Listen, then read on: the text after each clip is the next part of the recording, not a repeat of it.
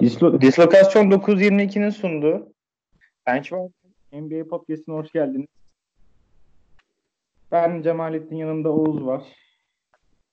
NBA takımlarını yorumlayacağız bu podcast'imizde de. Ve e, Atlanta, Charlotte, Miami, Orlando ve Washington konuşacağız. Merhaba Oğuz nasılsın? İyiyim. Seni sormalı. Sen nasılsın? Hiç iyi değilim. Doğal olarak. Yani şu 6 podcastlik zamandaki en kötü podcast'ine denk geldiniz. Evet. Büyük ihtimalle Doğu'nun son 5 takımı e, konuşacağımız. Sonrasındaki podcastlerde Batı'ya geçiyoruz. Doğu'yu bitiriyoruz artık bugün. E, ama Ya- birazcık kötü takımları konuşacağız. Artık e, iddiası olmayan hiçbir şekilde ligin dibine demir atmış. Miami hadi bu işin dışında tutalım. Miami playoff'larda kalacak büyük ihtimalle. E, onun dışındaki 4 takım dibin yani ligin dibindeler şu anda. Böyle bir 4 takım konuşacağız. Vallahi yani en sonunda Sinan Engin gibi çıldıracağım. Galiba. Doğal olarak. Yeter lan yeter diye. Ee, başlam başlayalım istersen. Yani Atlanta'yla. önce öncelikle şeyi söylerim. Apple Podcast'ta 10. sırada olduğumuzu gördük. Evet. Dinleyenler Onun için de herkese teşekkür ederiz gerçekten. Çok teşekkür ederiz. Tam uyumaya yakın dün bu haberi görünce uykundan uyandım. Bütün uykum da kaçtı. Ama değer. İçin teşekkür ederiz dinleyenlerimize. Atlanta ile başlıyorum Oğuz. Hı hı. Atlanta atılan sayı ortalamasında 16.lar, rebound'da 21.ler, asiste 18.ler ve şu an bunu yani bu verileri dinleyenler diyecekler ki bu takım nasıl sonuncu? Evet, aynen öyle. Yenilen sayıda, yenilen sayıda 30'uncular. Yani. 20'ye 47 ile gidiyorlar. Gittiler daha doğrusu. Doğu'da 10'uncular. Kendi yılında Doğu'nun da sonuncusu oldular. Ne düşünüyorsun Atlanta hakkında? Ne diyordun? Ne buldun? Atlanta'dan yani Trey Young'ın böyle bir şeyler yapabileceğini düşünüyordum açıkçası ama o da çok e, o verimi, katkıyı Atlanta'ya veremedi. Ya tabii sadece burada Trey Young'ı suçlamak yanlış olur. Yani Trey Young tek başına hani nereye kadar e, bir şeyleri götürebilir? E tabii bu konuda öyle bir durum da var. Hani tek başına kalıyor Trey Young. Biraz şimdi yanında artık Clint Capela var ama e, gene de çok bir şeylerin değişeceğini ben düşünmüyorum. Ha Rebound'da 21.ler dedin. E, güzel. O artık 8. olurlar. Clint Capela her şeyi al, alır, toplar. Ama o kadar olur yani. Ha, bu takıma ciddi eklemeler, parçalar eklenmediği sürece e, Atlanta taraftarı birazcık üzülmeye mahkum. Yani sadece Trey Young'ın tek başına yapabileceği bir iş değil bu yani. Hani evet oyun kurucu bu belki de ya bu oyunun en önemli pozisyonu belki de oyun kurucu. Ama kesinlikle e, ya Trey Young e, ya tamam çok kritik anda üçlükler atabiliyor, çok uzaktan üçlükler atabiliyor ama işte sadece üçlük atmanız yani sonuç olarak Trey Young'ın atabileceği üçlük sayısı maç başına belli. Deneyebileceği sayı da belli. Rakip sürekli olarak farklı opsiyonlar denerken, farklı sayılar bulurken sadece Trey Young'ın üçlük atmasını bakmak işte 20'ye 47'ye getiriyor işte. E tabii ona destek sağlayacak birileri olmazsa Trey Young'ın da işi Atlanta'yla zor. Ya beklentim buydu zaten. Hani Atlanta'dan bir beklentim yoktu böyle büyük beklentilerim. Yani beklediğim şeyi yapıyorlar zaten. Ya bu konuda sana yani Atlanta'nın sezon konusunda çok katılmayacağım. Çünkü yani tabii herkesin beklentisi vardı. Trey Young, Luka Doncic özelinde dönen bir e, savaşta, yani basketbol savaşında Doncic'in bu kadar yüksek performansı ve Dallas'la beraber çıkış sağlaması Atlanta'nın da Evet. bu kadar performans göstermesi bir bakıma Atlanta yani Trey Young üzerinde kötü bir performans gibi gösterildi. Ama E tabii. Asıl kötü olan bence yani sezonun yani en önemli bölümünde kötü olması sebebi sezonun başındaki çaylakların özellikle kötü oynaması, oynamasıydı. Cam Reddish'in ve DeAndre Hunter'ın performansı özellikle Cam Reddish'in performansı çok düşüktü. Ama ben gelecek açısından Atlanta Hawks'in bir şey düşünmüyorum. Yani şey, bir şey düşün derken yani kötü bir şey düşünmüyorum. Çünkü bu takımın Tre- Trent gibi süperstarları var. Şu an bile süperstar seviyesine çıkma çıktı. All-Star oldu bu adam. Bir All-Star. Süper, E tabii ki. ileriki 10 sene içinde süperstar olacak gözüyle bakılıyor. E, Kevin Harter e, nasıl söyleyeyim draftlarda draftlarda çok yerden seçilmiş bir oyuncu bir, e, bir kazı madeninden yani San Antonio Spurs'un yaptığı bir kazı madeninden çıkmış bir elmas gibi Kevin Herter'de. Yani çok iyi bir seçimdi ve o Young'ı da çok iyi tamamlayan bir parça. Niye şey yani Clay Thompson tarzlar ve ama çok gençler bunun içinde. Oyun tarzları aynı değil. Yani benziyor oyun tarzları çok benziyor ama en büyük yanlış Atlanta için de yani Stephen Curry ve Clay Thompson'a idol olarak bakılmaması lazım. Onlara da başka bir kimliklerinin olması lazım. E, Artı tabii. yandan da yani Cam Reddish e, Cam Reddish olsun DeAndre Hunter olsun. Dördüncü sıradan DeAndre Hunter'ı aldılar. Geçen sene son geçen sene draftlarda. Ya bu kadronun ki John Collins olsun yani tabii iyi parçaları var. Bench'ten gelebilecek Dwayne Dedman olsun. E, Trey Young'ı yedekleyebilecek Jeff Teague olsun. Bence takım olarak çok iyiler. Bu sezon olabilir. DeAndre Member olsun. O da çok iyi bir tamamlayıcı 3 numara için. Bence bir takım olarak çok şu, şu sezon için ya birazcık hayal kırıklığına bakılabilir. Ama ben gelecek evet, için evet. hiçbir sorun görmüyorum. Tabii gelecek için çok ümitli. Ya gelecek için cidden ümit veren bir takım. Çünkü çok gençler, çok tecrübesizler daha. Ee, daha da yolun başında tabii bu kadro. Yani işte John Collinson olsun, e, Trey Young olsun bu isimler genç isimler ve e, yıllar önce işte Golden State de bu, bu tip bir kadroya sahip değildi. Yani Clay Thompson Curry bazında konuştuğumuz zaman yıllar önce işte Curry ile Clay Thompson da seçilmiş ama e, bu tip bir şey çıkması beklenmiyordu ortaya. Aa işte Draymond Green'i de kendileri seçtiler ve bu üç oyuncuyu kendileri seçip kendileri bu noktaya geldiler ve şampiyonluk kazandılar bu üç oyuncular. Atlanta'nın elindeki ciddi anlamda ö- önem özel oyuncuları da var. Yani Cameron Reddish, e, John Collinson, Trey Young ya bu isimler cidden çok özel oyuncular ama e, hücum anlamında yani ligin orta sıralarında bulunan bir takım ki ciddi anlamda bu iyi bir performans aslında. Kötü bir performans değil ama iş savunmaya geldiği zaman işte hücum silahları e, savunmada biraz boşa çıkıyor. O da işte çok, çok sayı yedirmeye sebep oluyor. İşte o savunmanın olmaması da maç kaybettiriyor. Belki daha güçlü bir savunmalar olsa, daha sert bir savunmaları olsa belki de bugün hani konuşurken e, playoff kotasındaki bir takımı konuşuyor olacaktık. yani savunma işini çözerlerse bence kesinlikle hani ileri dönemlerde, ileriki süreçlerde e tabii oyuncular elindeki oyuncuların da bireysel bazda savunmalarını bir tık daha ya bir tıktan daha fazla hatta 3-4 gömlek belki yukarıya çekmeleri lazım. Yani kesinlikle 3-4 gömlek yukarı çekmeleri lazım. Collinson'ın da Trey Young'ın da burada tabii ki bütün takımın bu savunmayı yukarı çekmesi lazım.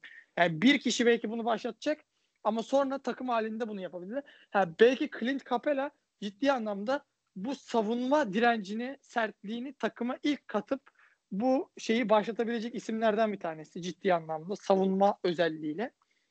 Ya ben Clint Capela'nın takımı bunu aşılayabileceğini düşünüyorum. Yani savunma da yapmalıyız. Bu par- işin bir parçası da savunma e, özelliğini şey yapabiliyorum. Hani ama tabii ki e, Trey Young 30 sayı ortalamasıyla oynuyor aşağı yukarı. E, daha iyi olacak mıdır? Daha yüzdeli bir şekilde daha ciddi rakamlara ulaşabilecektir.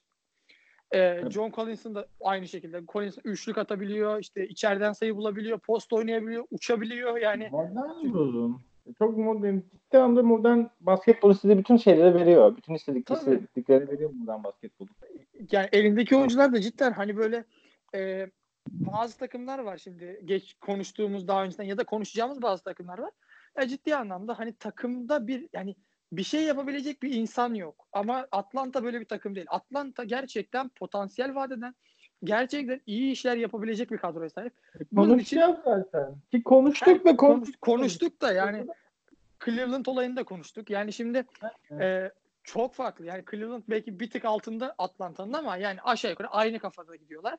Ama şu var Cleveland'ın elinde yapı yani oyunun seyrini değiştirebilecek bir oyuncuya sahip değiller. Atlanta öyle değil. Oyunun seyrini değiştirebilecek, maç kazandırabilecek oyuncuların hepsine sahip. İşte sadece savunmaya geldiği zaman iş orada sıkıntı yaşıyor. Bence işte o yüzden yani Seven'ın yaptığı gibi filmde yapacağı gibi yaptıkları gibi daha doğrusu bir sürece güvenmeleri lazım. Bu sürecin yani Tabii ki. Trey Young'ın sezon içinde bir haberleri çıktı işte. Ben bu takımın kazanan bir takım olmasını istiyorum. Playoff yapan bir takım olmasını istiyorum. O yüzden takaslar yapın falan filan tarzında bir haberler çıktı. Ama Trey Young'ın unuttuğu bir nokta var. Dallas takımı Atlanta takımının yani geçen sezondan geldikleri nokta aynı değiller yani. Dallas e, takımında bir sen var. Elinde bir hiyerarşi var. Bir koç var. Rick Carlisle gibi bir koç var. Atlanta'da öyle bir hiyerarşi ve öyle bir e, takım şey kimyası yok yani geldiğinde. E, Yani tabii o ki. yüzden Luka Doncic'in verilen Luka Doncic'in şu anki takımla yaptıkları Trey Young'ın yaptıklarını aynı kefeye koymaması lazım. Ya da Trey Young'ın takımı kötü diye Trey Young'ı eleştirip Luka Doncic takımı çok iyi diye Luka Doncic çok övülmesi lazım. Çünkü ikisi de çok önemli işler yapıyor. İkisi E, de tabii. İşte Ya şu- daha doğrusu. Ya tabii ki ya şu var kesinlikle e, ya şunu söyleyeyim hani e, iki oyuncu aynı istatistikleri yapsalar bile e, Trey Young da Doncic de aynı istatistiklerle oynadıkları zaman dahi Doncic kazandığı için büyük oyuncu olurken Trey Young kaybettiği için eleştiriliyor. Aynen. Ya tabii burada insanlara kızamıyorsun. Sonuç olarak hangi istatistiklerle oynarsanız oynayın kaybettiğin zaman işte ya kaybettin yani bir anlam ifade etmiyor. 60 sayı atman hiçbir anlam ifade etmiyor. Ya da 60 sayıyla triple double yapman hiçbir anlam ifade etmiyor. Çünkü sonucunda kaybediyorsun. Haklısın ki bir yerden sonra biz mesela bu takım bu kadar sayı yemesinin ve bu kadar mağlubiyet alması sebeplerinden bir tanesi de bu olabilir yani. Bu kadar bu o, oldu da yani. Olabilir derken bu oldu da. Bir yerden sonra oynadık oynadıktan sonra artık bizim bu iki pozisyonu çok belirttiğimiz gibi özellikle basketbolu kazanmak için değil de oynamak için oynamaya dönüyor bu iş. Ya kesinlikle öyle. Ya, ve bu takım içinde böyle oldu ki ben düşüneceğim bu 5 yıllık bir süreç içinde eklemelerle, takaslarla, free agent'la, oyuncular almayla bu takımın bir kontender takımı olacağına inanıyorum. Tabii ki Ve- dönüşebilir.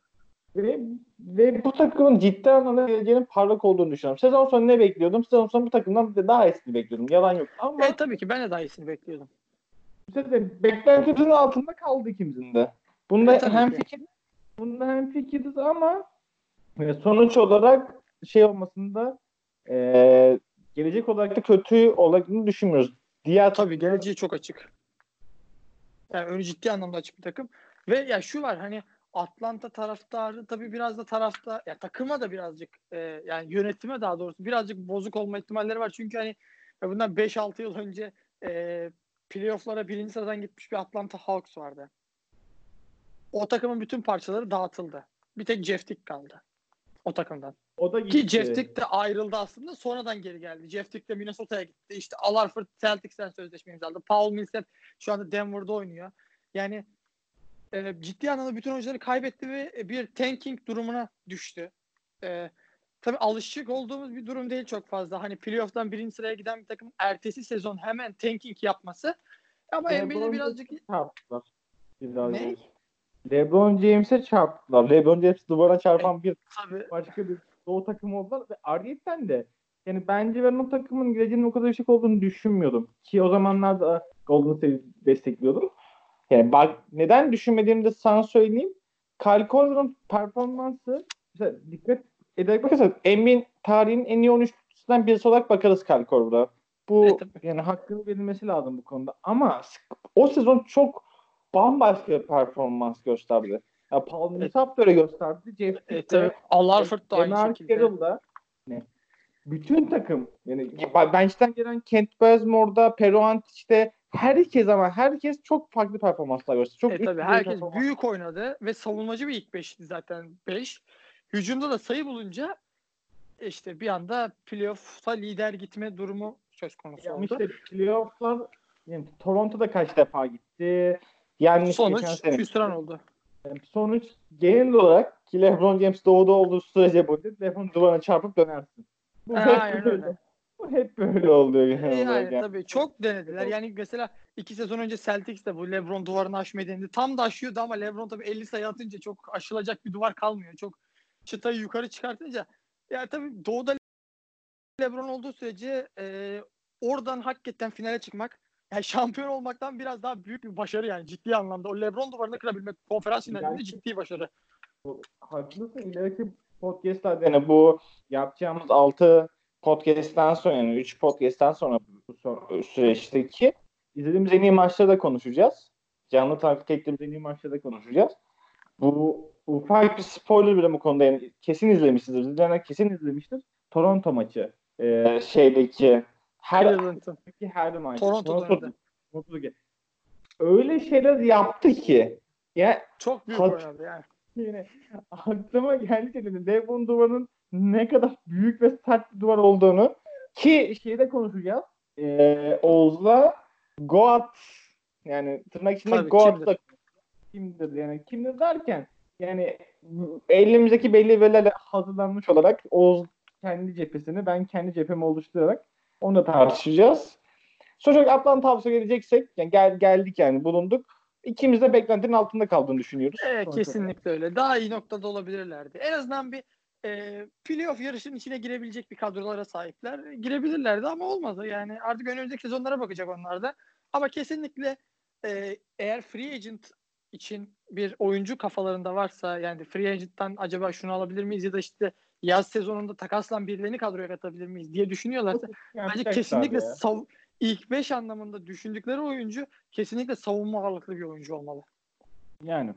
Savunma geç- ağır basan bir oyuncu lazım. Atlanta'ya geçiyorum. Şimdi başka bir can sıkıcı takıma geçiyorum. Charlotte Bobcats. Charlotte Bobcats. Charlotte Bobcats, geldi. değil mi? Charlotte. Bobcats. Eski ismi. Bizi andı. Jared Wallace bizi andı. Şey, istatistiklerini vereyim Charlotte Hornets'in. Sayı maç başı sayıda 30. sıradalar. Rebound'da 25. sıradalar. Asist'te 20. sırada- sıradalar. Yenilen sayıda 12. sıradalar ligde. 23-42 ile gittiler. Bitirdiler ligi. 10. sırada bitirdiler Doğu Konferansı'nı. Kendi konferanslarında da kendi divizyonlarının şeyinde de Güneydoğu'da da 4. sıradalar. Charlotte arkasında neler bekliyordun? Sen neler buldun Oğuz? Şimdi Charlotte Hornet ya Bobcats deyince de benim de Bobcats diyesim geliyor. Bu sefer de çok yaşlı olduğumuz herhalde ortaya çıkıyor birazcık. yani Ee, biraz, biraz yaşlı gibi olduk evet ya Bobcats'i konuşunca. Ya Charlotte Hornets e, biliyorsun Jordan'ın takımı. E, daha yani şu var hani Jordan evet tarihin en iyi oyuncularından bir tanesi ama sanki işte takım sahibi olmak ya da işte takımda bir o yöneticilik demek ki şeyi biraz fazlaca eksik Jordan'da. Çünkü yıllardır Charlotte'un sahibi ve ben yani yıllardır Charlotte'da hiçbir şey görmedim. Ee, işte ne koçunda hayır var, ne yönetici GM'inde hayır var. Yani elinde bir tane iyi oyuncu var. Kemba Walker. Onu da Celtics'e kaptırdı. Onun karşısında Terry Rozier'ı sözleşme imzaladılar. E tabi e, Doğu'da tabi bir tık daha Kemba'lı bir e, Charlotte Hornets bir tık daha iyi bir noktaya gelebiliyor bazen ama e, Kemba Walker'ın ciddi anlamda eksikliği hissedilecek bir oyun kurucu. Yani çünkü saha içinde her şeyi yapabilen bir oyuncu. Çok hızlı, el oyunlarını çok hızlı yapabiliyor. Ball handling çok yüksek, ayak oyunlarını çok iyi yapabiliyor ve çok rahat rakipten sırıp rahat bir boş şut kendine yaratabiliyor. E tabi yerini aldığınız oyuncu Terry Rozier. Yani Terry. Rozier yıllarca Celtics'te oynadı. Ben Celtics taraftarı olarak söyleyeyim. Terry Rozier evet kötü bir oyun kurucu mu? Tabii ki değil. Ama e, herhangi bir takımda tabii ki işte düşük tak kalibreli takımlarda işte Cleveland'dır, Atlanta'dır bu tip takımlarda ilk 5 başlayabilecek seviyede olabilir. Ama Ben yine Ee, düşünmüyorum. ya bir nebze hani şu e, sonuç olarak ligin işte belli sayıda bir iyi oyun kurucusu var. Eğer elinizde bu tip iyi oyun kuruculardan ya da süperstar ya da star işte oyun kuruculardan yoksa e, bir nebze en azından bir süreliğine falan idare edebilecek kalibrede bir oyuncu ama daha fazlasını beklemek gerçekten çok büyük sıkıntı ki e, Terry Rozier'in Celtics'ten ayrılmasının en büyük sebebi aslında kontrattı. Yani Celtics'ten işte 20 milyon eurodan fazla kontrat istemesi yıllık yani mümkün değil böyle bir oyuncu 20 milyon euro vermezsiniz. Ki Charlotte verdi. Ya ben buna da çok şaşırdım. Yani tamam Kendini- Celt- yani Kemba Kendini- Walker'a okey bir maksimum verildi. Hak ediyor çünkü verildi. Ki Kemba'ya da şey olarak yani Celtics'ten alacağı kontratta Celtics'in bilmiyorum kontratın detaylarını tam olarak da Hornets'in verdiği kontrat çok çok büyük bir kontrattı. Şey Celtics'e göre. Ki diğer takımlar da teklif etseydi yine Hornets'in şeyi çok fazla. Çünkü oynadığı Tabii. süre zarfı boyunca çünkü sözleşme detaylarında onlar. Maksimum kontratının ne kadar yukarı çıkabildiğini ki ana Sözleşme takımı çok çıkabiliyor. Ana takımın diğer takımına göre daha fazla para verebiliyor. Belli Evet, tabii. maddeleri sağlar.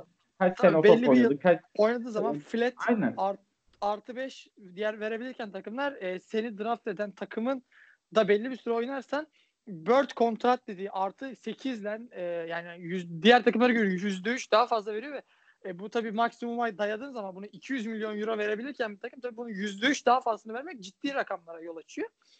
Ama şu var ben hani e, Kemba Walker'ın da artık evet tam bir e, Charlotte sembolü olacaktı biraz daha oynasaydı. Cidden hani o raddeye Ben- kadar getirmişti olayı ama Ki öyle de. Yani ya hala da öyle tabii ama e, işte ben hani Kemba Walker'a şu konuda kızamam. Hani neden Charlotte'dan ayrıldın? Efsane olacaktın. E, ben kendimi Ben Kemba'nın yerine hiç- koyduğum zaman yani abi O şöyle konu- bir durum var. O konuda Bir- cidden sözünü kestim de o konuda ben Önemli hiç değil. oyuncuya kızamam. Hiç oyuncuya kızamam ben. Ya, tabii. Bir takım satma konusunda. Ki satma konusu değil yani. Bu takımlar, bu oyuncular e, takaslanabiliyorsa bu oyuncular gidebilir de yani. Gidebilir. Yere Ki şu var. Ben e, yani şu var. Kemba'nın yerine kendimizi koyduğumuz zaman şunu görüyoruz. Yani yıllarını yani bir 8 yılını falan Charlotte'a veriyorsun. E, iki de yani bir defa serbest oyuncu konumuna düşüyorsun. E, gene Charlotte'la sözleşme yeniliyorsun. İkinci kez yani 8 seneni veriyorsun takıma ve ortada hiçbir başarı yok. Yani playoff dahi yok. Hiçbir şey Bir yapamıyorsun. tane var. Bir tane Ya bir playoff tane o da yani o şey- bir tane playoff o da Miami Heat'e karşı 4-0 elendiler. Süpürüldüler yani. Bir şey çıkmadı ondan da. Yani e şimdi bu tip e, ya şimdi e, Kemba da kendinin farkında. Ligin iyi oyun kurucularından e, star dediğimiz işte kimine göre süperstardır. Bu kimine göre stardır. Tabii tartışılır bir durum ama ligin herkesin bildiği, tanıdığı, herkesin de kadrosunda görmek isteyebileceği bir tipte oyuncu olduğunu kendinin de farkındaydı ve artık başarı istediğinin o da farkında. Çünkü artık 29 yaşında. Ya artık lige ilk girdiği 21 yaşındaki Kemba Walker değil. Artık 29 yaşına geldi ve o da bir başarı kazanmak istiyor. Ki Celtics seçmesi de haklı bir sebepti. Celtics önceki yıllardan da playoff alışkanlığı olan işte şamp yani tabii son bir 2000'li yıllar öncesinde kadar Celtics'in e, ciddi bir şampiyonluk e, serisinin olduğunu görüyoruz 2000 yılına gelene kadar. Tabii ondan sonra bir kere sadece modern basketbolda şampiyonluk kazanabilir ama playoff e, bilen bir takım, yapabilme, yapabilen bir takım, kadrosu buna uygun, konferans finaline kadar gidebilecek seviyede bir takım. E, tabii bu tip bir başarıyı da oyuncu hani kendine güvenip de abi ben bu takımı taşırım daha ileriye diyebilir. Anlaşmasına ben kızmıyorum ama tabii bu biraz da Charlotte'ı etkiledi. Ciddi anlamda etkiledi. Kemba'yı kaybetmek ama e, Charlotte da yıllardır e, bir takım kurmak için uğraşmadı. Hala daha uğraşmıyor. Hani bir takım kurmak istemiyorlar. Te- tercihlerden tut şeyden kadar draft tercihinden tut, tut aldıkları kontratla kadar. Ya ben kısaca olarak toparlamak gerekirse artık çok da konuşmak istemiyorum şimdi şeyde olmak olmasın. Çünkü yani konsepte birkaç şeyler var. Mesela yani Devonta Graham'ın formu bu sezon içinde yaptıkları bir ara üçlük atan en, en fazla atan isabeti bulan üçüncü oyuncuydu Devonta Graham. Ama ona hı. karşı önlemler de alınca ki formu düştü ki normal. Şimdi beklenmiyordu böyle oynanması ama sonuç olarak bence ya Charlotte'dan yani sezonun en kötü takım olması beklenirken bu sezon için en kötü takımı olmadılar. O konuda ben hem fikrim daha kötü takım ciddi ama daha iyi iyi ma- maçlar çıkarlar. Ben bazı maçları izlerken zevk aldım. Yalan yok. Ama bu takımın nereye gideceği hakkında hiçbir fikrim yok. Atlanta'yı konuşurken söylediğimiz gibi bir fikir beyan edebiliyoruz. 5 yıllık süreç sonucunda nereye gideceğini düşünebiliyoruz ama işte mesela Nicholas Batum'un kontratı hiçbir hiçbir şey yok. Yani 25 Yani- milyon dolar kazanıyor bu adam. yani şimdi tamam bir de mesela yani Terry Rozier kontratı hiçbir mantıklı. Ben Terry Rozier, Terry Rozier'i konuşurken ben o yüzden sana karşı çıktım. Bence hiçbir takımın hiçbir takımın ilk beşine olur koymayacak bir oyuncu Terry Rozier. Çünkü ilk E, beşine tabii. koyarsan çok fazla oyunun dengesini değiştiriyor. Yani ko- ko- koçun, koçların özellikle istediği şey oyun kurucunun kendisini dinlemesi. Çünkü oyunun içindeki oyun kurucu koçtur. Koça bakar, koç bir seti söyler, oyun kurucu o seti oynar. Velev ki sıkısı set oyuncu yani oyun kurucu ya da o takımın süperstarı kimse her kimse o kendi e, Yolunu yeteneğiyle bulur. bir- sayı bulmaya çalışır. Yani ama Terry önemli Rozier'in olan şey yok. seti oynamak. Önemli olan o seti oynamak. Ve bence Terry Rozier'in e, iyi olduğu nokta bu ikinci dediğimiz kısım. Ama ikinci dediğimiz kısma çok geri verilmemesi lazım Terry Rozier. Çünkü o çok Ya, satıyor. Birinci kısmı direkt atlıyor. Birinci kısmı hiç düşünmüyor. O yüzden Tabii. ben yani bu takımın ya çok iyi çok yani e, süperstar değil ama çok iyi şeyleri var. Parçaları var. Miles Bridges olsun. PJ Washington. Malik Monk olsun.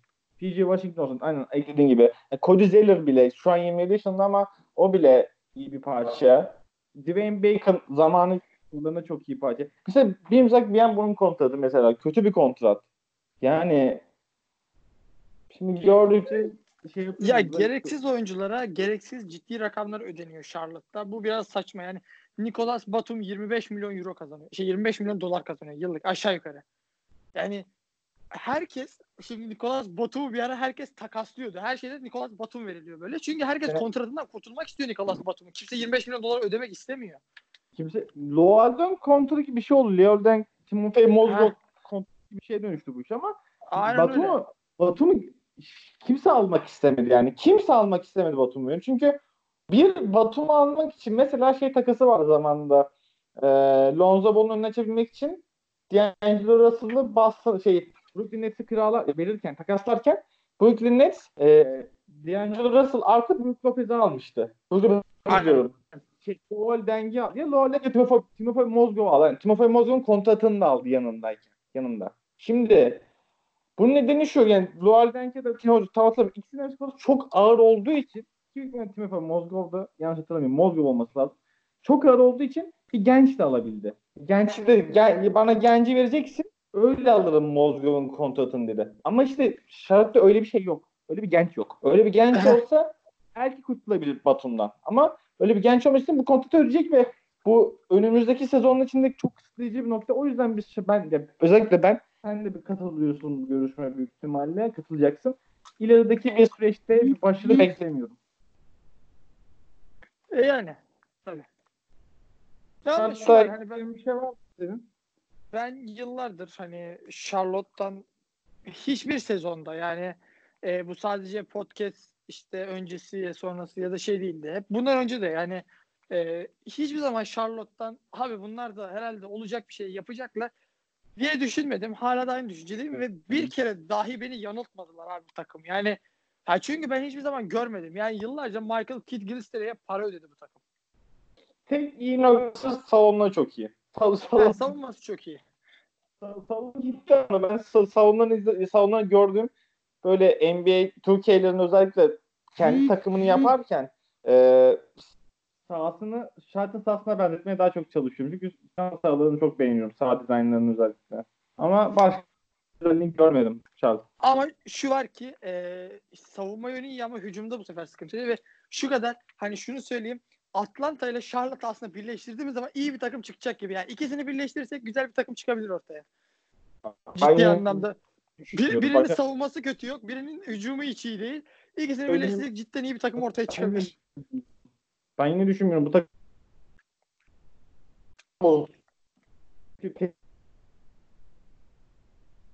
falan olay yapıyor orada. Gelir takımda ister, hiçbir şey olmaz o zaman takımda. E yani tabii. Ben şey Celtic geçiyoruz. Eğer bir ekleyeceğim daha bir şey kalmadıysa. Ee, bence Miami'yi en son konuşalım. Belki podcast'te konuşacak güzel bir şey kalsın diye koyuyorum. yani. Başka konuşalım. Büyücüler. Atılan sayı olmasında işin ilginç tarafı bu takım 6. Evet. Bradley Beal sağ olsun. Rebound da 30'uncular. Asist de 12.ler. Ve yenilen sayıda 29'uncular. Şimdi Evet. Atlanta 12 oldu. yani biraz ama daha kötüsü bence bu konuda. Bu konuda ben daha kötü. Yine gelecek yok. Ha bir de gelecek yok üstüne yani. E tabii ama şu var Washington'da şöyle bir de durum var. E, Washington'da e, sakatlığa da çok kurban verdiler. İşte John Wall'u kaybettiler falan filan. E tabii Bradley Beal de ne kadar tek başına taşıyacak. Şimdi tabii e, Bradley Beal iki maç arka arkaya işte 50 sayı attı. E, tabii ondan sonra doping testine tabi tutuldu. Tabii bu bir tepki çekti. Hani Bradley Beal 50 sayı atınca neden doping testine tutuluyor da işte Harden iki maç üst üste 60 attığında doping testi yapılmadı Harden'a tepkilerini çekti. E çünkü Hurts- öncesinde Harden'a ya şu var öncesinde herkes Harden'a alışmıştı. Artık Harden sürekli triple double yapıyordu. 40-50 atıyordu. 40-50 atıyordu. 60 atması kimseyi şaşırtmıyor. Ama Bradley Beal ciddi anlamda takım da kötü giderken bir anda iki maç arka arkaya 50 sayı attı. Zaten birini kaybettiler. O da daha kötü. İşin kötü yanı o zaten. 50 sayı atıyorsun ama takım kaybediyor. Hiçbir anlam ifade etmiyor işte. Hani bu Trey Young muhabbetine dönüyor. Yani 50 sayı atıyorsun, 55 sayı atıyorsun. E takım kaybettikten sonra bir anlam ifade etmiyor senin 50 sayı atman. Mesela bu konuda katılacağım. Bir ya anlamadığım nokta şu var bir şeyde. Bu yani Bradley Beal çıkabilirdi. Kontrat imzalamak zorunda değildi şeyle Washington. Yani Değildi. Agent'tı. bu, adam free agent kalıyor. işte. Yani niye, niye Washington ya demek ki John Wall'la e, bir şeyler yapabileceklerini düşündüler ama işte John Wall da sakatlanınca Ben bir haber hatırlıyorum yansıttığımız. Ben bu boku 8 yıldır mı 10 yıldır mı ne çekiyorum diye bir sözü şeye karşı. John Wall'a John karşı Wall için. John Wall Ya ben, ben de bu, bunu ve işte ben de bunu anlamıyorum. Yani bu takım arkadaşın işte 8-10 yılda birlikte olduğun takım arkadaşın hakkında bunu söylüyorsan niye bir daha bir sözleşme imzalıyorsun? Git başka olmalı imzala. yani. Gideceksin Ki ciddi- şeyini yap. Hayır işin garip tarafı şu Lakers çok istedi Bradley Beal'ı takıma katmayı. Ya- Sen kendin kabul etmedin gittin Washington'dan imzalayacağım dedin. Sıkıntı şu ki bu takıma baktıkça yani şu an kadro açık önümde takımın alayı bak sana şeyle şey çıkart John Wall'la ki John Wall'un Zaten Çok- yok. Çıkartmaya çok gerek de yok. Çok kötü kontrat. John Wall'un kontratı bayağı kötü yani. E tabii. Aras Bayram'dan duymuştum. Yani büyük ihtimalle bir, bir son sezon John Wall bir lig kurabilirken o kadar para kazanacak takımdan. Kendi ligini falan kurabilir parası kazanıyor. Yaklaşık 40 milyon dolar falan çıkıyor. 35-40 milyon falan çıkıyor son sezonunda. Bradley Beal'ı çıkar, John Wall'u çıkar. Takımın alayı bak takımın alayı Rui Hachimura da neyse diyeyim ki onda neyse diyeyim. Takımın alayı bir takımda 12. oyuncu 12. oyuncu oluyor ya. Hepsi bütün takımı öyle kurmuşlar. Thomas Bryant'la Ru- Rui Hachimura'yı çıkardığımız takdirde bütün takım şey. Çöp. 12. 13. oyuncu. 11. Şahbaz Neyip'in 10. diyelim. Yani takım bu. Ya işte. Ve sen bu tip yani bu saydığın adamlara bak şimdi. Diyorsun ki diğer takımlarda 11. 12. oyuncu olacak adamlar Washington'da ilk 5 başlıyor. Mesela bir, bir, bir maç vardı hatırlamıyorum. İlk beşi Grant ya Toronto neyse Toronto bul, iyi bulup gitti. Tabii Toronto'nun hadi oyuncuları kendileri oynuyor. Washington öyle beşik hatırlayan ya Dave- Davis Bertans falan filan ki bu sezon çok iyi performans gösteriyor. Davis Bertans çok iyi performans gösteriyor. Konu konunun dışına koyalım onu. Takım ben hiç an hiç hiç yani Isaac Bonga falan bu takım oy vallahi daraldım. Vallahi Yani Evet. tabii öyle bir takım. Yani Evet. hani ya şu var tabii John Wall olsaydı bazı şeyler tabii ki farklı olurdu. Ama işte sakatlık sebebiyle o da bu sezon hiç oynamadı. E tabii öyle olunca da nasıl döneceği de önemli. 30 yaşına girecek bir dahaki sene. Tabii. 30 yaşında olacak. John Wall'un en önemli özelliği hızı. Hızı ve şey e, ani yön değiştirmesi sayesinde yani aynen. minimal bir cross tarzı oynadığı için oyunu. Sakatlık onu çok etkileyecek ihtimalle ve benim Tabii çünkü en büyük özellikleri fiziksel özelliği ve onu da kaybettiği zaman sakatlık sebebiyle ayak oyunlarıyla e, yani ayak oyunlarını çok iyi yapan ve zaten Aynen. özelliği bu ayak oyunları olan bir adam ayağından sakatlanması tabii ciddi anlamda yıpratacak John Wall'u. özellikle bu John Wall'un şutunun bu kadar iyi olmaması, etkin olmaması da bana şey geliyor. Bu kontratın ne kadar yüklü bir kontrat olabileceğini gösteriyor. İnşallah bizi şaşırtır. İnşallah, İnşallah. yine bir, bir şaşırtır da bir Washington maçı izlerken ufak çapta bizi yakalarız. Çünkü ben John. Wall, Bradley Beal, e, Otto Porter, Otto Porter Jr., e, Leon Jr. artı Martin Gordon tatlı o ilk beşte Paul Pierce falan filan gibi bench'tendi de o takım cidden mi çok iyi bir takım. Ben çok beğeniyordum onları izlemeyi. E, Ki- e, tabii. Ee, 7. maça kadar gitmişler vardı. Boston Thomas'lı Bayzman'sı. O zamandan beri, o zamanlar çok iyi bir takımdı. Ben favori, adam, favori adaylarından birisidir. LeBron James'e karşı. Çünkü savunabilir diye düşünüyordum. Çünkü Marcus Morris de Markif Morris de vardı o kadroda. Aynen. Ben ben Şimdi iyi, iyi düşünüyordum. Şimdi o takımdan çok parça böyle kaybettiler olmasa tabii. diye biliyorum sadece. E tabii o Morris Yani. kardeşleri kaybettiler. İşte Morris'lerden bir tane Marcus Morris önce Celtics'e geldi. Oradan işte e, Phoenix'e mi gitti? Bir yere gitti. Oradan şu anda Clippers'a geldi. Markif Morris gene contender takımlardan. yani. E tabii takım da. Böyle John Wall sakatlandı. E, öyle olunca bütün ihale Bradley Beal'a kaldı. E o da şu anda Trey Young'ın işte Trey Young'dan daha da kötü durumda. Hani insanlar eleştiriyor Trey Young'ı. Genç diye eleştiriliyor. Ama hakikaten eleştirilmesi gereken yani başka neden bir tanesi şey. Yani çünkü şu var e, takım olarak da eleştiri yapıldığı zaman Atlanta hadi şunu söyleyebiliyor. Biz diyor gelecek vadeden bir takımız. 3 yıl sonra siz bizi görün. Bak contender olacağız. Size şampiyonluk geçin. Bunu diyebilen bir takım. Ya Washington bütün oyuncular 30 yaşına geldi. Yani 3 yıl sonra neyi göreceğim ben? 15. liğini görürüm o saatten sonra. Başka bir şey görmem yani. Takım parça yok. Parça yok ki takımda. Cidden parça yok. Ali Ece gibi çıldıracağım burada. Vallahi parça yok ya. Diyeceğim, elinde kaldı şey. Ya öyle parça yok. Takaslayamazsın. Kimi takaslayacaksın?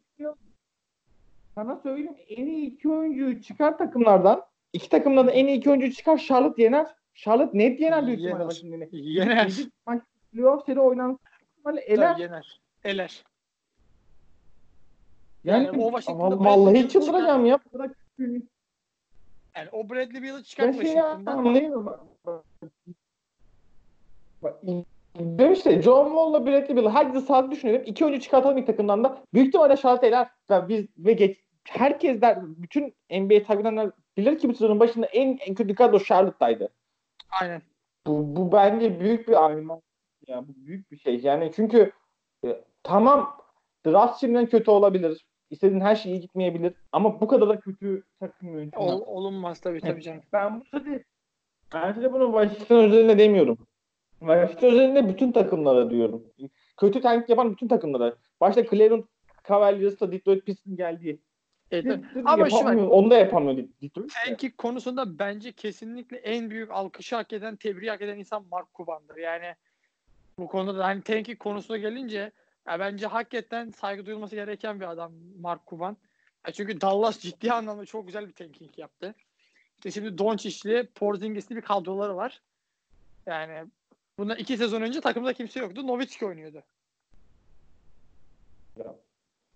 Dediğin doğru ama onda da tanking yaparken şey olarak tanking yapmadı bu adam. Yani birinci sıraya alayım bile tanking yapmadı. Bu adam Tabii. normalde bunun yani şeyin seçim sırası yansıtamıyorsa dördüncü sıradan Luka Doncic dördüncü sıradan Trey Young'ı alırlar. Altı sıradan Luka Doncic geldi.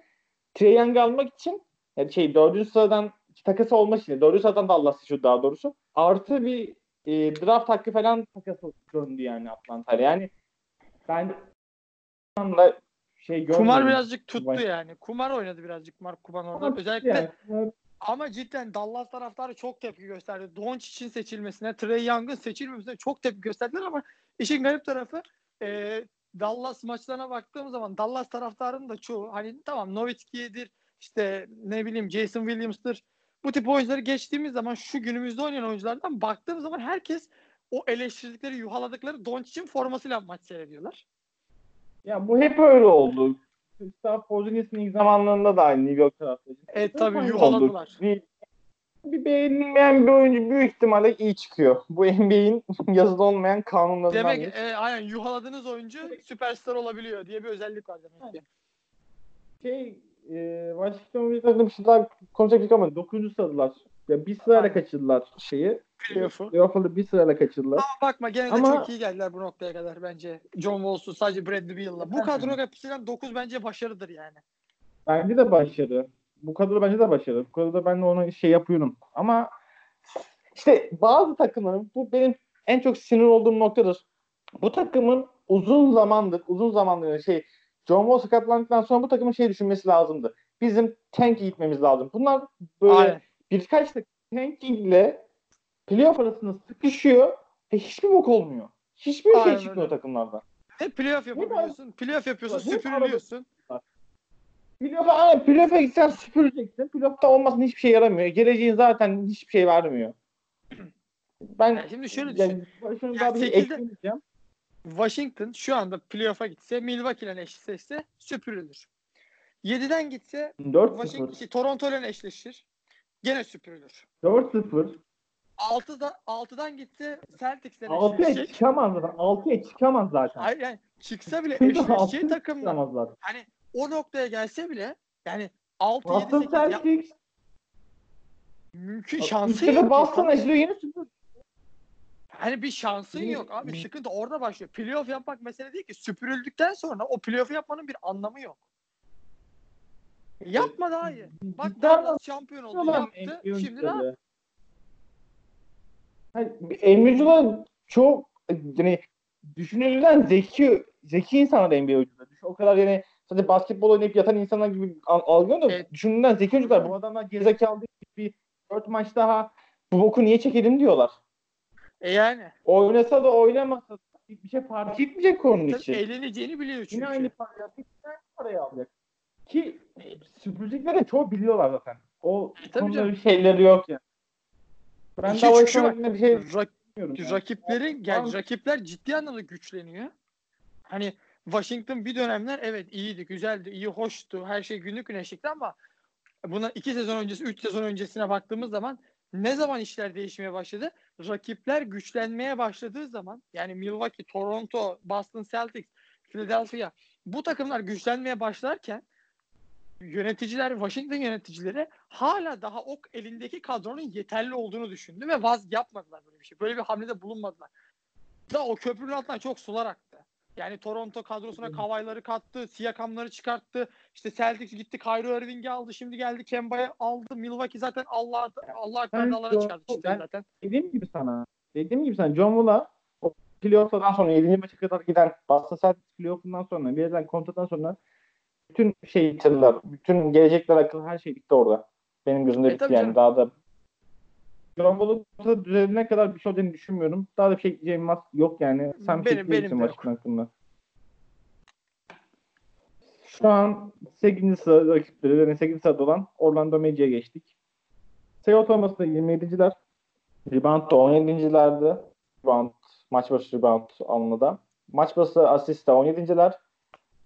Defansif olarak yenilen sayıda 4. sıradalar. 30-35'e gittiler. 30, win- 30 galibiyet, 35 mağlubiyetle gittiler.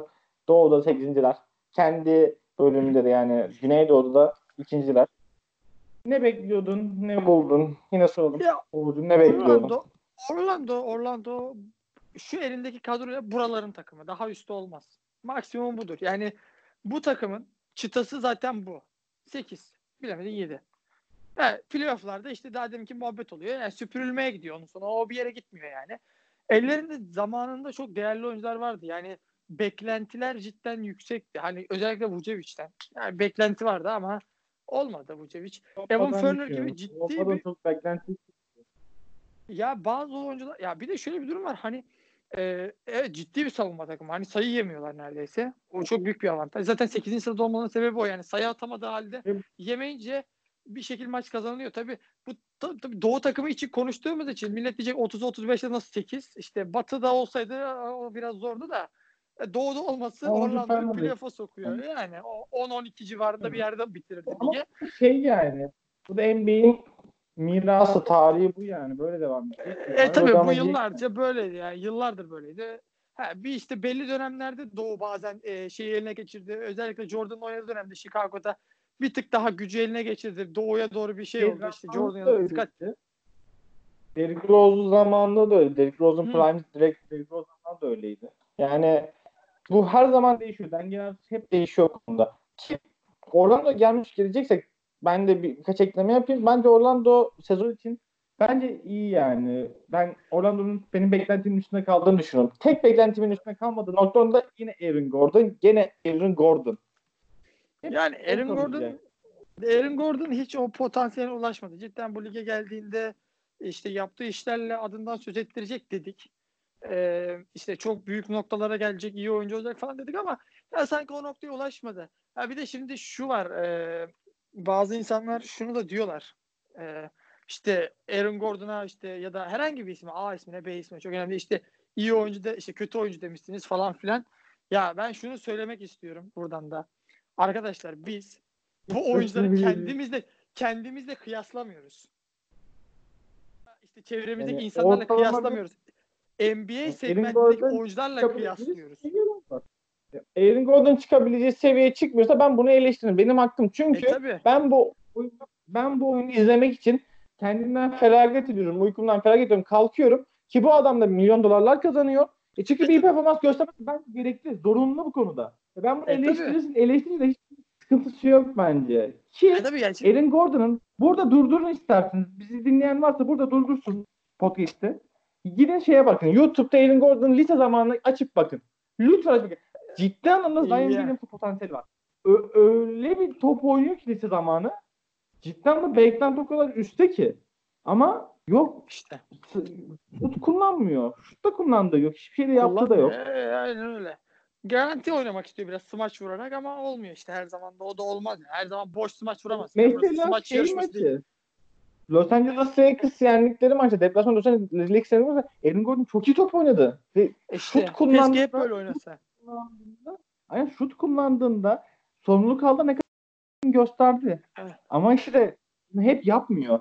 Takımda Jonathan Isaac gibi muazzam bir parça var. Defansif anlamda muazzam bir Tabii parça. canım. Her şeyi bir parça. veriyor. Mo Bamba bu sezon için kötü oynadı. Yalan yok. Kötü ama potansiyeli kötü oynadı. olan bir oyuncu o da. Potansiyelli. Ya bir hala var potansiyeli. Markel E, bitti dediler. Çocuk omzu olmuyor dediler. Tutmuyor dediler. Bir sıkıntı var dediler. Buraya geldi kendini buldu. Ya bu takımın E, da bir tabii. geleceği var. Ama Var tabii ki. ama işte daha iyi gider yani Evan Fournier mesela Nikola Vucic bak benim tek sinirlendiğim bir nokta daha var sezonun başındaki Nikola Vucic hamlesi.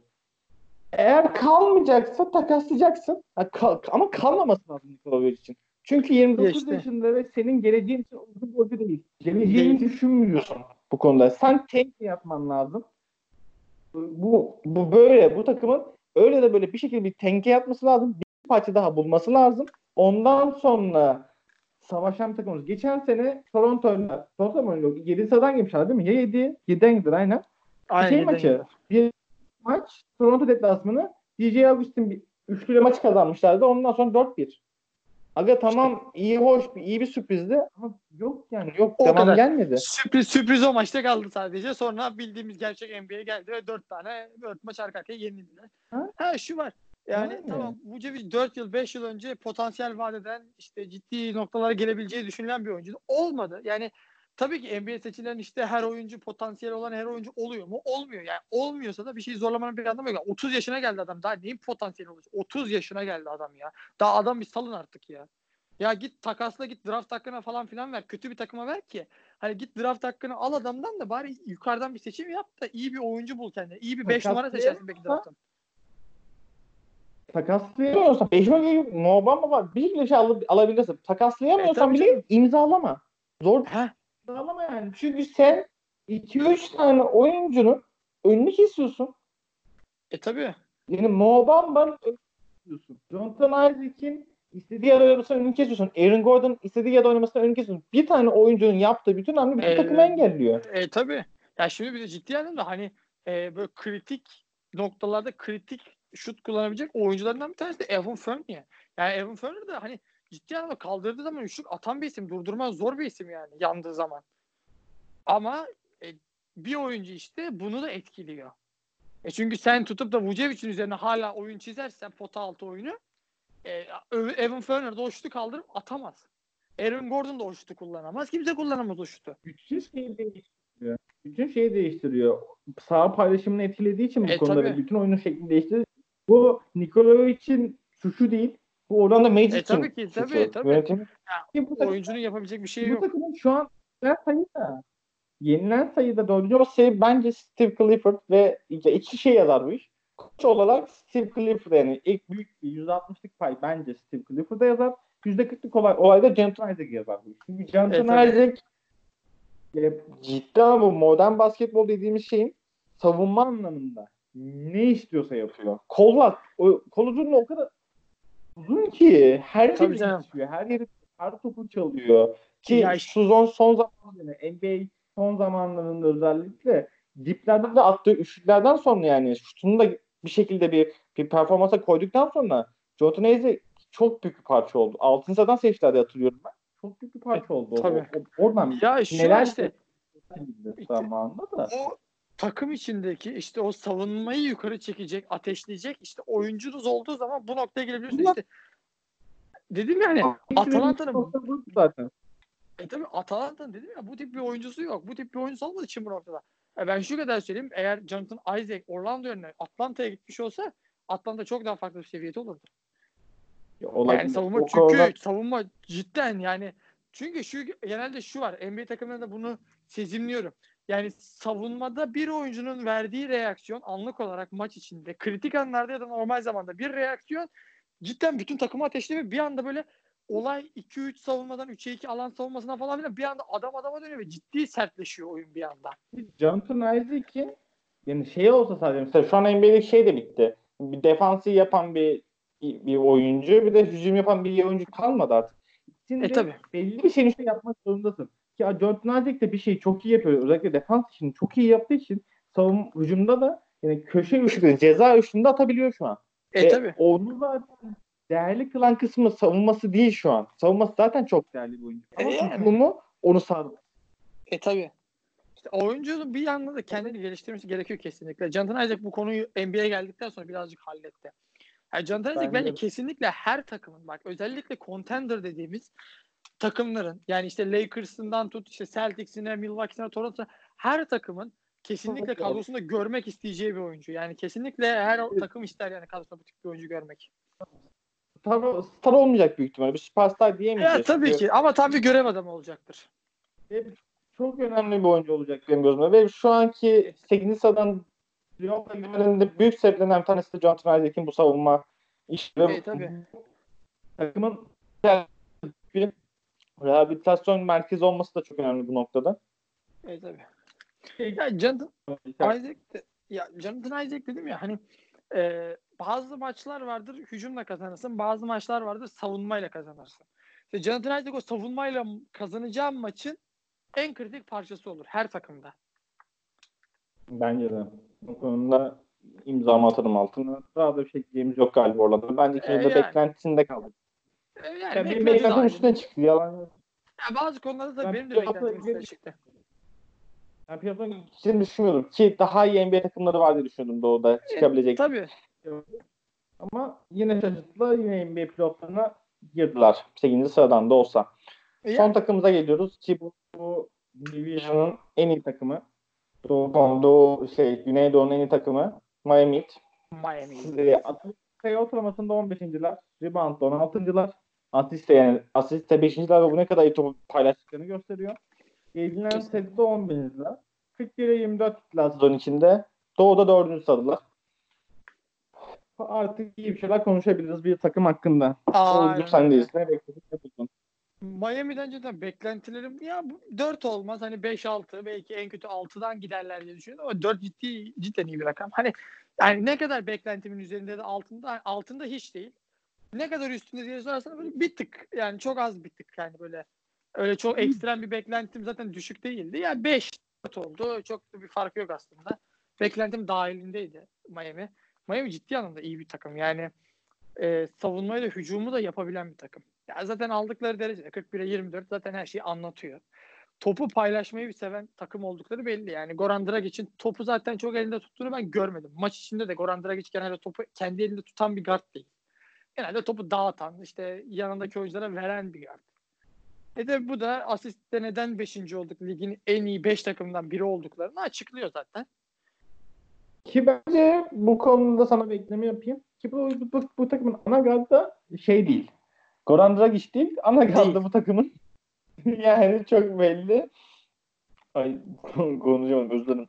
Senin Jim Butler. Bu takımın ana gardı Jim Butler zaten. Bu E tabii. hem ama ben bu takımda beklentim yani nasıl söyleyeyim sezon içinde bir beklentim vardı yani Miami Heat'in ya özellikle işte bu Jim Butler hamlesinden sonra ben bir süperstar da alacağını düşünüyordum. Yani bu daha doğrusu hep Chris, Chris Paul üzerinden geçen bir olay. Russell Westbrook'ta konuşuldu sezonun başındayken.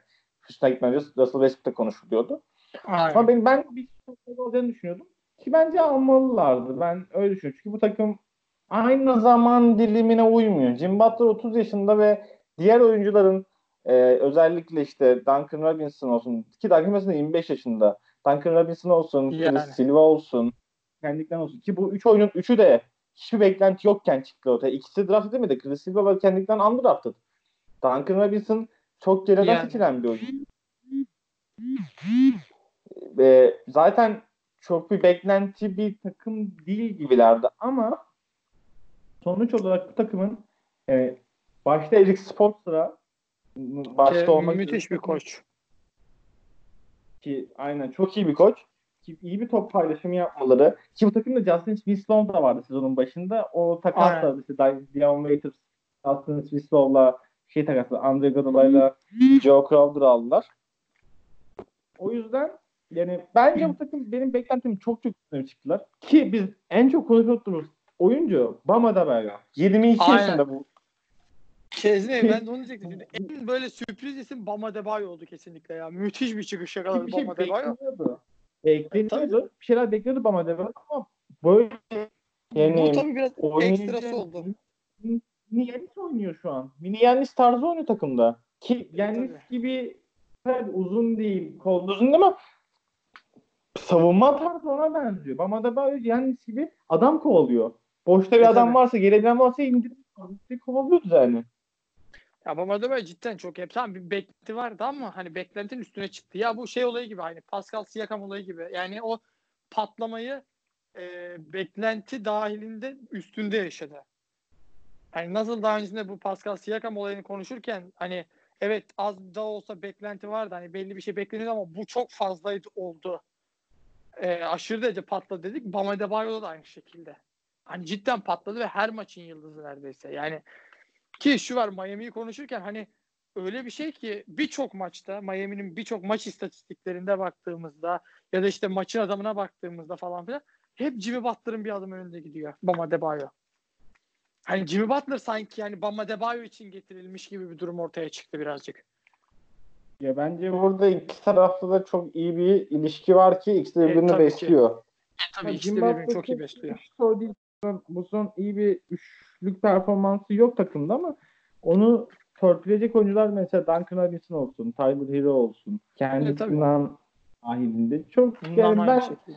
bu takım, bu takım şey yapacak diye düşünüyorum. Ben e, konferans yarı final yapacağını düşünüyorum. Tabii Indiana Pacers'la eşleşir ve o zamanki formu ne olur ne olmaz bilmiyoruz. Ama ben bir konferans E, yarı finali bekliyorum. Ama birkaç oyuncunun özellikle yani Kendrick Nunn'la Chris Silva'nın iyi bir performans gösterdiler. Tam undraftlar ama bir, bir iyi bir parça dönüşebileceğini düşünüyorum. İyiyken verilmesini, verilmesi gerektiğini düşünüyorum. Verilmesi gerekiyordu bence. İyi bir parça dönüştürmesi gerekiyordu. Kesinlikle. Ben, benim kendi düşüncem bu. Ki Andre Iguodala ve Joe Crowder hamlesi bence takımın kanat olarak çok zayıflardı. Çünkü en fazla dikkat çeken kanat oyuncusu bu takımın Derrick Jones Jr.'dı.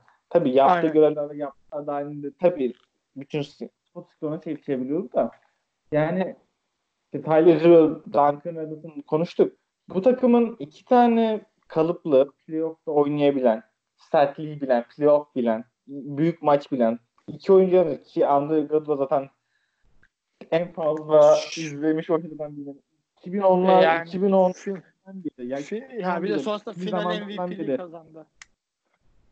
Yani çok büyük bir oyuncu oldu zaten biliniyordu ki Andre Iguodala'nın da çok büyük bir eklenti olabileceğini düşün, düşünüyorduk. Öyle oldu ama bu e, birazcık şeyler oldu Andre Iguodala'nın da kendi kişisel olayları falan oldu bir yapılma yapması gereken birkaç tane sergiledi ama bu benlik sevgisini bitirmeye yetmedi. Kendi açımdan Evet, konuşuyorum. e, Yani yani. sonuç olarak geleceksek toplamaya toplamaya geleceksek bu konuyu ben Miami'den beklentimin üstlerine çıktılar. Ben bu kadar iyi bir basketbol olacaklarını düşünmüyordum.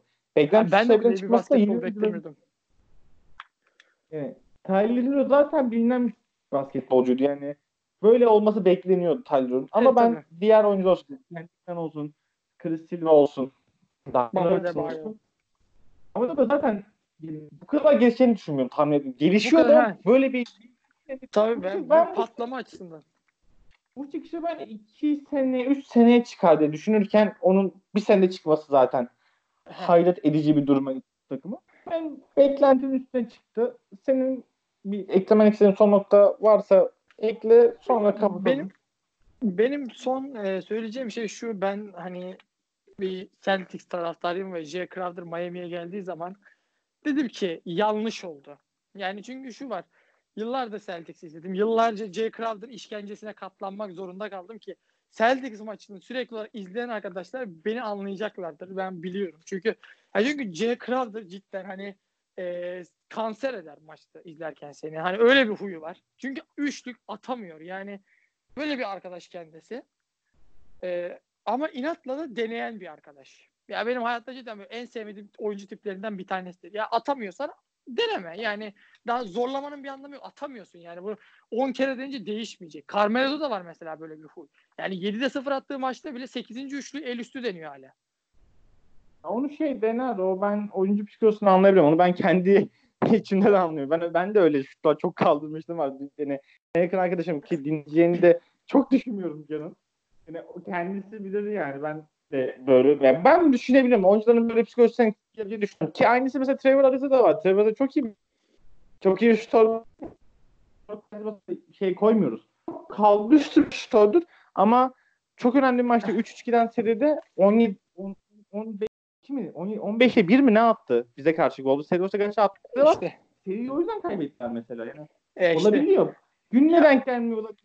Sezon formsuzdur. Olabilir ama ben bu hamle Miami için çok önemli bir hamle olduğunu düşünüyorum. Kendi Ya tabii ki önemli bir. Çünkü kalbur ham, ya kalbur üstü bir oyuncu. Cidden hani şu var. Ee, ben Jack Crowder'ın çok fazla Celtics formasıyla maçını seyrettim. Ya 10'da 0 üçlük attığı maç da var. 3 maç sonra 10'da 0 atıyor, 7'de 0 atıyor, 6'da 0 atıyor. 3 maç arka arkaya sonra bir bakıyorsun 8'de 7, 8'de 8.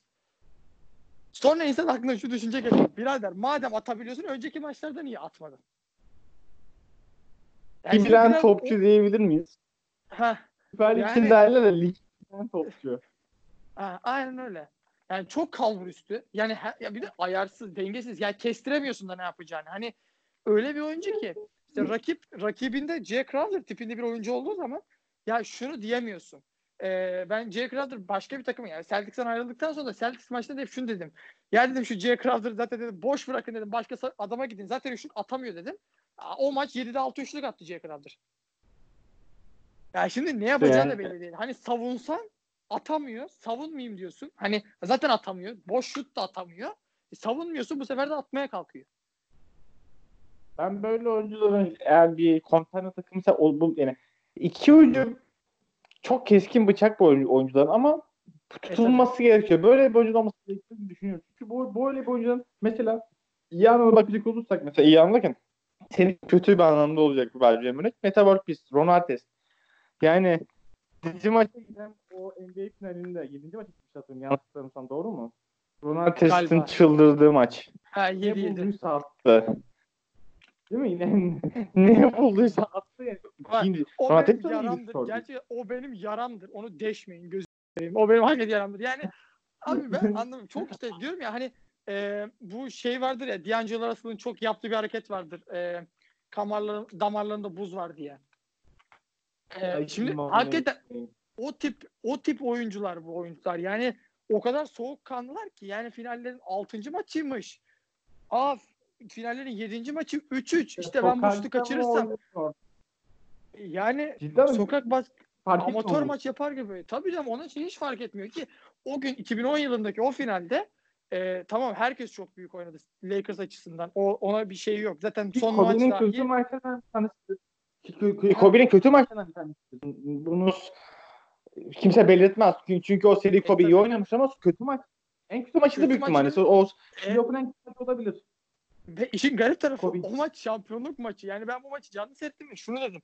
Dedim ki oh dedim Kobe de şut atamıyor mis gibi dedim. ikinci şampiyon. Yani 2000'li yıllardaki ikinci şampiyonluğumuz geldi dedim. Ama bir bakıyorsun Ron Artest çıkıyor çatır çatır üçlük atıyor. El üstü el üstü demiyor. Abi el üstü üçlük bir insan atar. Hadi attım. Ya bir insan Ben- iki tane double sıkıştırmada, double sıkıştırmada, ikili sıkıştırmada nasıl iki el üstünden üçlük atabilir ya? Hani cidden öyle bir oyuncu. Yani yine- da var bu huy. Yani Bunu şey konuşalım. Bak bunu da eğer bir dakika 3 bak bir saat 3 dakika bu- eğer burada dayanabilen bir insan varsa ona sözü söz olsun bu maçı da konuşacağız. Aynen bu maçı Bu aynen. konuşacağız Bu- onun için. Bu podcast serisi bittikten sonra 3 podcast kaldı. Bu podcast'ten sonra efsane hani izlediğimiz efsane maçları konuşacağız ve hakikaten buraya kadar gelen varsa sonuna kadar dinleyen bizi bu Celtics Lakers finalini izlemiş bir insan olarak canlı gözlerle bu finalde anlatacağım. Yani ben- benim birçok maç var ama bu, bununla da anlatacağız. Bence Miami'de de anlatacağımız şeyler bitti. Yani benim ekleyeceğim bir şey bir kaydı. Yani Aynen. ikimizin de beklentisinin üstündeydi Miami. Aynen. Ee, Doğu'yu bitirdik. Bir dahaki podcastimiz Batı ile başlayacak. Batı'nın e, takımlara ba- yollamaya başlayacağız. Ne buldu, ne bekliyorduk, ne oldu. Buraya kadar izlediyseniz teşekkür ederiz dinlediyseniz özellikle. Dinlediğiniz çok teşekkür ederiz. Bir de kalın. Görüşmek üzere. Hoşçakalın.